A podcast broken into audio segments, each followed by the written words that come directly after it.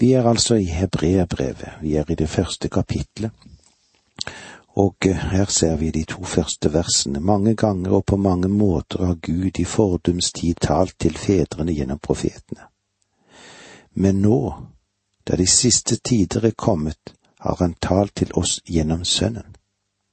Ham har Gud innsatt som arving over alle ting, for ved ham skapte han verden. Ved ham skapte han verden. Det er mange som tror at dette henviser til den skapende handling. I begynnelsen skapte Gud himmelen og jorden, som det står i første Mosebok, i det første verset der. Faktisk så henvises det ikke til det i det hele tatt. Ordet her for verden er rajon. Det betyr tidsaldrende. Ved ham gjorde han tidsaldrene. Og det går ut over det at han er en skaper. Dette gir en målsetting, en hensikt med alt. Han er den arving som skaper programmet for fremtiden. Han gjorde tidsaldrene. Han ga en hensikt og målsetting for alt. Han ikke bare skapte alt, han hadde en, an, en hensikt for alt. Bibelen taler om dette. Gud hadde en hensikt med det han gjorde, og han er hensiktsrettet med det som han fortsetter med å gjøre. For eksempel skapte Gud mennesker og plasserte de i en hage. Han satte en forutsetning for at de skulle leve der. Mennesket skulle ikke ete frukten av et bestemt tre. Det var ingenting galt med frukten, men det var Guds prøve på om mennesket ville adlyde ham. Problemet var altså ikke frukten på treet, men det var paret som var på bakken. Mennesket bommet fullstendig og absolutt på Guds prøve i det øyeblikk. Gud har et program og en målsetting med alt. Det kom andre tider da Gud prøvde mennesket. Tiden kom da han ga mennesket Moseloven. Og igjen var dette et uttrykk også for hans prøve på menneskene sin lydighet. I dag lever du og jeg under nåden. Vi er frelst ved nåde. Vi kunne aldri ha blitt frelst ved lov.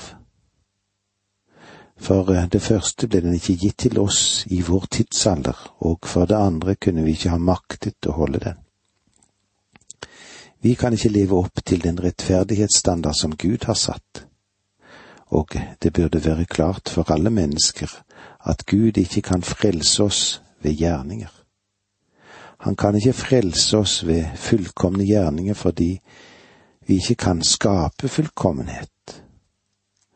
Og han kan heller ikke frelse oss ved det ufullkomne gjerninger som måtte være fordi hans standard den ligger høyere enn det. Og derfor måtte Gud gå en annen vei. Og i dag er det slik at det er ved nåde vi blir frelst. Den Herre Jesus Kristus er universets skaper, og det er en hensikt i hele dette skaperverket. Hele dette univers kjører, kjøres med en nøyaktighet som ikke noe annet kan måles opp imot. En fremstormende bil uten fører, det går galt. Solen kommer opp til visse tider hver morgen. Den er helt presis. Månen beveger seg i en bane som man kan forutsi.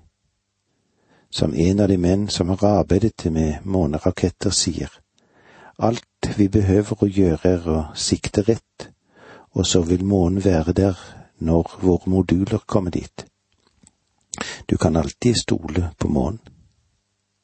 Den finner ikke på noe sprell. Månen drar ikke i noen annen retning når den ser en månerakett komme. Nei, denne planeten kan du styre etter. Det er ikke et vanvittig univers du og jeg lever i. Her er én hensikt, og den Herre Jesus Kristus er den som gir det sin hensikt. I vers tre, kapittel én, leser vi så. Han er en utstråling av Guds herlighet og bilde av Hans vesen, og han bærer alt med sitt mektige ord. Da han hadde fullført renselsen for våre synder, satte han seg ved majestetens høyre hånd i det høye. Det er et mektig vers vi har foran oss her. Han er en utstråling av Guds herlighet. Utstråling betyr det som stråler fra. Solen i verdensrommet gir oss en illustrasjon til dette. Vi kunne aldri ha visst noe om solens herlighet bare ved å se på den, for vi kan ikke se direkte inn i den. Det ville blende oss totalt. Men fra solens stråler får vi lys, og vi får varme. Og også til en viss grad helbredelse. Det er det vi kjenner til om solen. Omtrent på samme vis er det det vi kjenner så lite til Gud, bortsett fra den åpenbaring av Gud han har gitt oss i sin sønn. Den Herre Jesus Kristus er den utstrålingen som vi ser. Ingen har noensinne sett Gud, men vi vet noe om ham gjennom Jesus Kristus. På samme måte som strålene fra solen med sin varme og sitt lys forteller oss om den fysiske sol, så åpenbarer den Herre Jesus Gud for oss i dag. Bildet av Hans vesen Uttrykket oversatt med vesen er det greske ordet karakter. Det som han er preget av. Det som er inngravert. Det er det som vi har fra dette norske ordet karakter i betydningen av personlighet, karakterstyrke. Vi sier at den Herre Jesus er en åpenbaring av Gud fordi han er Gud. Han er ikke bare innpodet med noe, men han er det opprinnelige preget av Gud fordi han er en nøyaktig kopi, Guds bilde. Paulus skrev i Kolosserbrevet 2,9 I ham bor hele guddommens fylde legemlig. Og eh, det er en veldig rik formulering. I ham bor hele guddommens fylde legemlig. Han oppholder alle ting. Han bærer alt ved sitt mektige ord. Det lille barnet Jesus som lå der hjelpeløs ved Marias bryst i Betlehem, kunne ha talt så universet kom ut av sine hengsler. Han bærer alt ved sitt mektige ord. Han har ikke bare skapt alt ved sitt ord, han holder også alt sammen. Har du noen gang tenkt på hvor mye kraft som skal til for å holde alt dette sammen? Mennesket har lært svært lite om kraft, men det har lært noe. For eksempel har mennesket oppdaget atom. Dette knøttlite kraftig noe. Og da mennesket løste atomets gåte, det å splitte atomet, så ble det sannelig løsgjort kraft. Hvem la all denne kraften inn i atomet? Hvem holder dette lille atomet sammen? Den Herre Jesus Kristus. Han skapte rammebetingelsene, han ga alt en målsetting. Han er Gud og bærer alle ting med seg. Han skapte ikke bare universet ved sitt ord, men han holder det sammen. Om han slapp tak i dag, da tror jeg at alt sammen snart ville bryte sammen da ville alltid sannhet gå opp i limingen. Men han er jo ikke av dem som bare er av passivitet, som guden Atlas. Han holder verden på sine skuldre. Han er aktivt engasjert i å opprettholde vedlikeholde all sin skapning. Og det er vel like stort under det som i første omgang å skape det. Han holder tingene i gang og lar det fungere. Og det er noe av det veldige ved hans skapelse. Det var så langt som vi kom i dag. Takk for nå, må Gud være med deg. Dette undervisningsprogrammet består av to deler. Åge Nevland fortsetter nå med andre del av dagens undervisning. Vi er i Hebreerbrevet i det første kapitlet, og vi har vært innom litt av introduksjonen og bakgrunnen for det som er så mektig for oss i dette budskapet som vi skal dele med hverandre fra Hebreabrevet. Og i det tredje verset i kapittel én leser vi slik.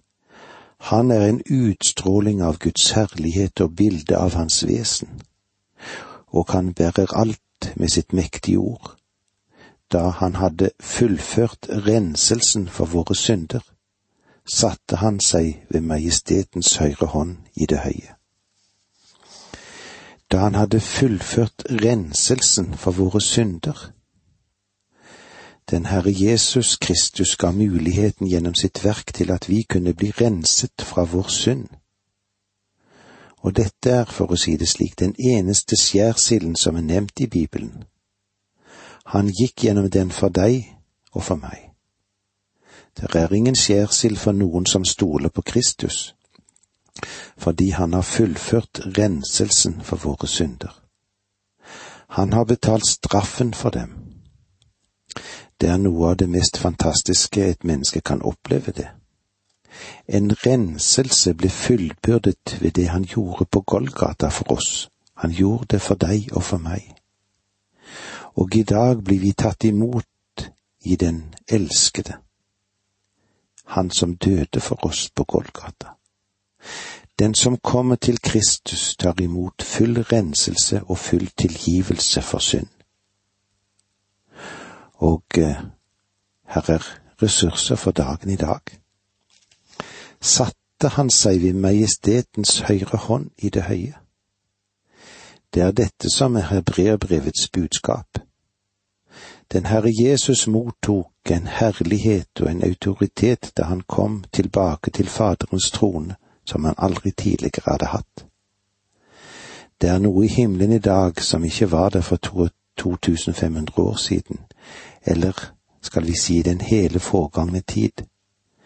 For i herligheten finnes det nå en mann med naglemerkede hender, og merker av nagler i sine føtter, og han har et spydstikk i sin side. Selv i det som er hans herliggjorte legeme, så finnes de der. Og når vi ser ham, så skal vi kjenne ham igjen ved disse naglemerkede hender. For to og et halvt tusen år siden var han Gud, men i dag er han Gud-menneske satte seg antyder ikke at han hviler fordi han er trett, eller at han forholder seg helt passiv. Det betyr at da han fullførte vår forløsning, så satte han seg fordi forløsningen var fullstendig. Og det er nøyaktig det den syvende dagen betydde i skapelsesberetningen. Gud hvilte på den syvende dagen. Var han trett? Nei, han hvilte fordi verket var fullført. Det var ikke noe mer han trengte å gjøre. I hele den tiden som jeg har vært engasjert i kristent arbeid, har jeg aldri vært i den situasjonen at jeg kunne lukke døra og gå hjem og være tilfreds med at alt var fullført. Det er alltid noe som ikke er fullført eller fullbyrdet. Jeg er glad for at ikke alle har anledning til å se hvordan kanskje arbeidspulten kan se ut. Den gjerning som jeg har hatt, har aldri vært fullbyrdet, men Kristus satte seg fordi han, hans forløsningsverk, det var fullbyrdet. Du kan ikke løfte en finger i dag for å legge noe til eller forbedre en forløsning som ikke han tilveiebrakte for oss på korset. Han har fullbyrdet vår forløsning, og vi er hele i Kristus. I Kolosser brevet 2, 9 og 10 så sies det på denne måten. I ham er hele guddomsfylden legemlig til stede, og i Kristus som er hodet for alle makter og myndigheter, har også dere fått del i denne fylde.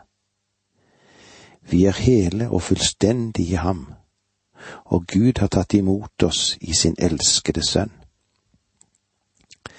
Den gjerning og tjeneste Kristus er opptatt av nå, er en annen.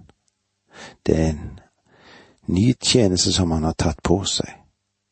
Hans nåværende tjeneste, det kan uttrykkes kanskje på denne måten. Han døde her nede for å frelse oss. Han lever der oppe for å holde oss frelst. Han har en tjeneste som går på forbønn, på å være hyrde, en tjeneste som dreier seg om å gjøre oss til sine disipler. Selv om han er ved Guds høyre hånd nå, så er han fremdeles levende interessert i dem som er hans egne, og han er tilgjengelig for vår skyld. Hva trenger du? Trenger du nåde? Trenger du hjelp? Trenger du visdom? Hva du enn måtte være i behov av, hvorfor går du ikke til ham og ber om det? Om du ber ham om å gripe inn på dine vegne, så vil han lage en løsning for deg etter sin vilje, ikke etter din vilje. Bønn er ikke forsøk å overtale Gud til å gjøre noe som han ikke har til hensikt å gjøre. Bønn er å få deg og meg i takt og i pakt med Guds program. Og Kristus er ved Faderens høyre hånd, og han lever alltid for å gå i forbønn for oss. Vi kan få barmhjertighet og finne nåde til hjelp i rette tid. Det er Kristi nåværende tjeneste, det. Og det gjør disse versene i Hebreerbrevet temmelig praktiske og virkelige for oss alle sammen. Det gjelder både deg og meg, det. Buddha kan ikke hjelpe deg. Mohammed kan ikke hjelpe deg. Ingen grunnlegger av moderne religioner kan hjelpe deg. En kjenning av meg fortalte meg hvordan han var blitt helbredet gjennom en healer som nå er død. Jeg spurte han, kan hun hjelpe deg nå? Han svarte overrasket, nei, selvfølgelig ikke, hun er jo død. Vel, svarte jeg, Jesus lever, vår store ypperste prest er levende og aktiv også i dag. Det var en gruppe unge mennesker i Moskva som foldet ut et banner ved Lenins grav. På det røde banneret sto det Lenin er død, Jesus lever. En sang om Jesu oppstandelse. Deres budskap er det samme som hebreerbrevet har i sitt innhold. Lenin er død, Jesus lever. Han er den som kan hjelpe. Han er den vi kan venne oss til. Dette er det store budskapet som hebreerbrevet forkynner. Da han satte seg ved Faderens høyre hånd i det høye, hadde han med seg en herlighet som Gud ikke hadde, som var det legeme der han hadde fullbyrdet sin forløsning på denne jord. Han ga seg selv. Han ga sitt dyrebare blod for at du og jeg kunne ha liv. Kristus, han står over englene, slik vi leser det i vers fire her i det første kapitlet.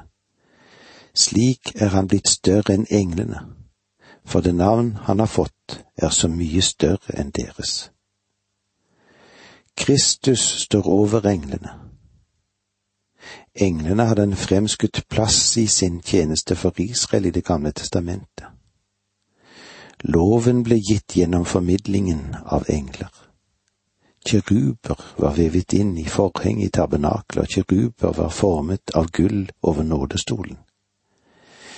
Jesaja hadde et syn av serafer, og i åpenbaringsboken leser vi at etter at menigheten bort, er bortrykket, så vil engler tjene i dommens tjeneste.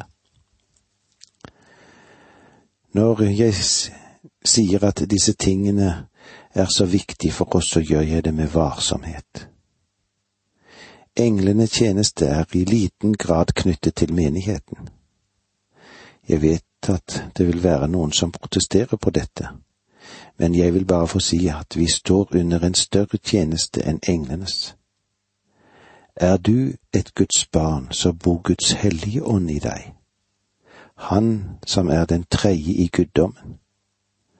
Hva kan en engel gjøre for deg som han ikke har gjort, og ikke han kan gjøre? Prøv om du kan tenke litt på dette. Det vi har å gjøre med, hva er det? Jo, vi har en levende frelser.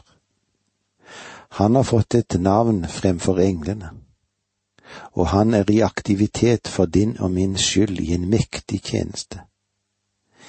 Vi har Den hellige ånd, og vi har Kristus, han som er vår store forbeder. La ikke englene ta Kristi plass med tanke på den bevarelse han har lovet for dem som tror på ham. Han tar seg ikke av engler, men han tar seg av mennesker. Hva mer kan du ønske deg? Det var så langt vi kom i dag. Takk for nå må Gud være med deg.